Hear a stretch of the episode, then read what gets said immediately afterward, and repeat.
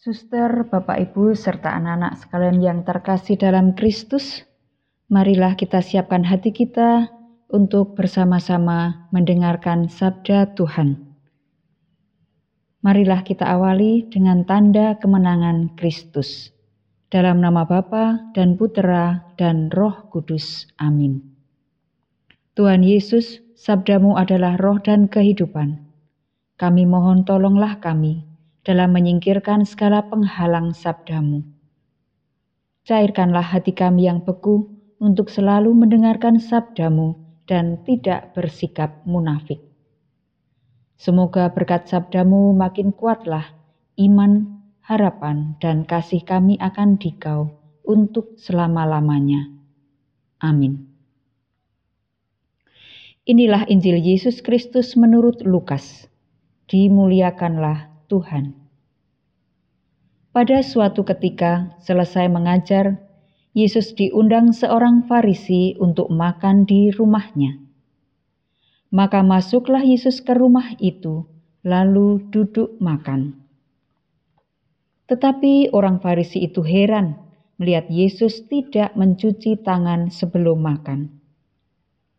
Lalu Tuhan berkata kepadanya, "Hai orang-orang Farisi, kalian membersihkan cawan dan pinggan bagian luar, tetapi bagian dalam dirimu penuh rampasan dan kejahatan. Hai orang-orang bodoh, bukankah yang menjadikan bagian luar, dialah juga yang menjadikan bagian dalam? Maka berilah isinya sebagai sedekah, dan semuanya akan menjadi bersih bagimu. Demikianlah Injil Tuhan. Terpujilah Kristus.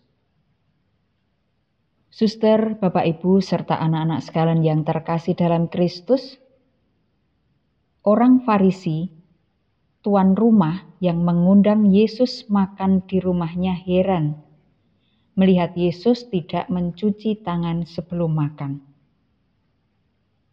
Bagi kaum Farisi, Mencuci tangan sebelum makan adalah hal yang biasa. Kita pun biasa melakukan hal itu. Namun, kebiasaan ini tidak diharuskan oleh hukum. Lantas, kalau Yesus tidak melakukannya, apakah Yesus tidak biasa mencuci tangan sebelum makan? Apakah ia melanggar kebiasaan orang-orang Yahudi? Kalau Yesus tidak mencuci tangan, pasti bukan karena lupa.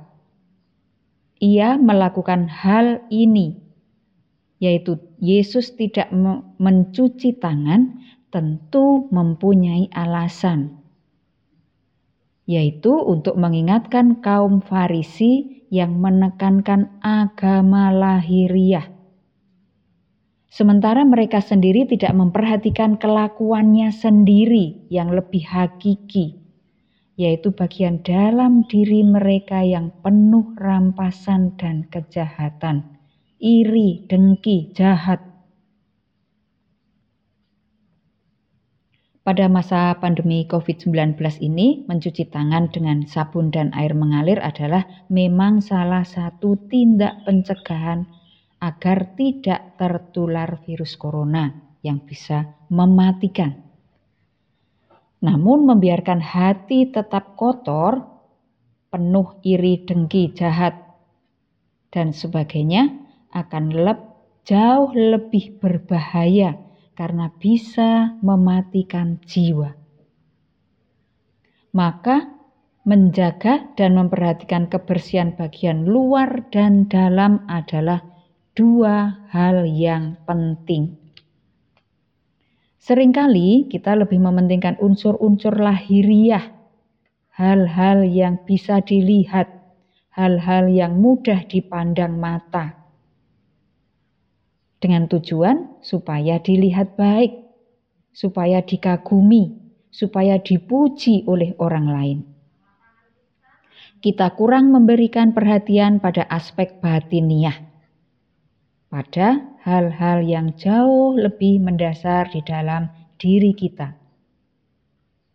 Tanggapan Yesus terhadap penilaian orang-orang Farisi mengenai tidak mencuci tangan sebelum makan mestinya menjadi suatu contoh bagi siapa pun yang selalu melihat dan mementingkan sisi luar atau istilah kerennya sekarang mementingkan casingnya saja. Sebab itu kita perlu terus belajar untuk memberikan perhatian yang lebih pada aspek batiniah kita memberikan lebih pada e, jiwa kita. Tetapi kita juga harus memperhatikan baik itu lahiriah maupun batiniah sehingga akan terpancar hal-hal yang positif bagi kebaikan sesama. Amin. Marilah kita berdoa.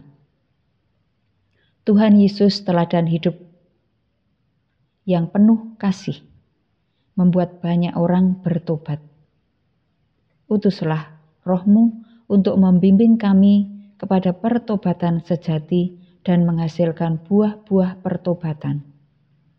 Semoga siapa pun yang ada di sekitar kami bisa merasakan damai, sukacita, dan persekutuan karena Engkau yang hidup dan berkuasa selama-lamanya.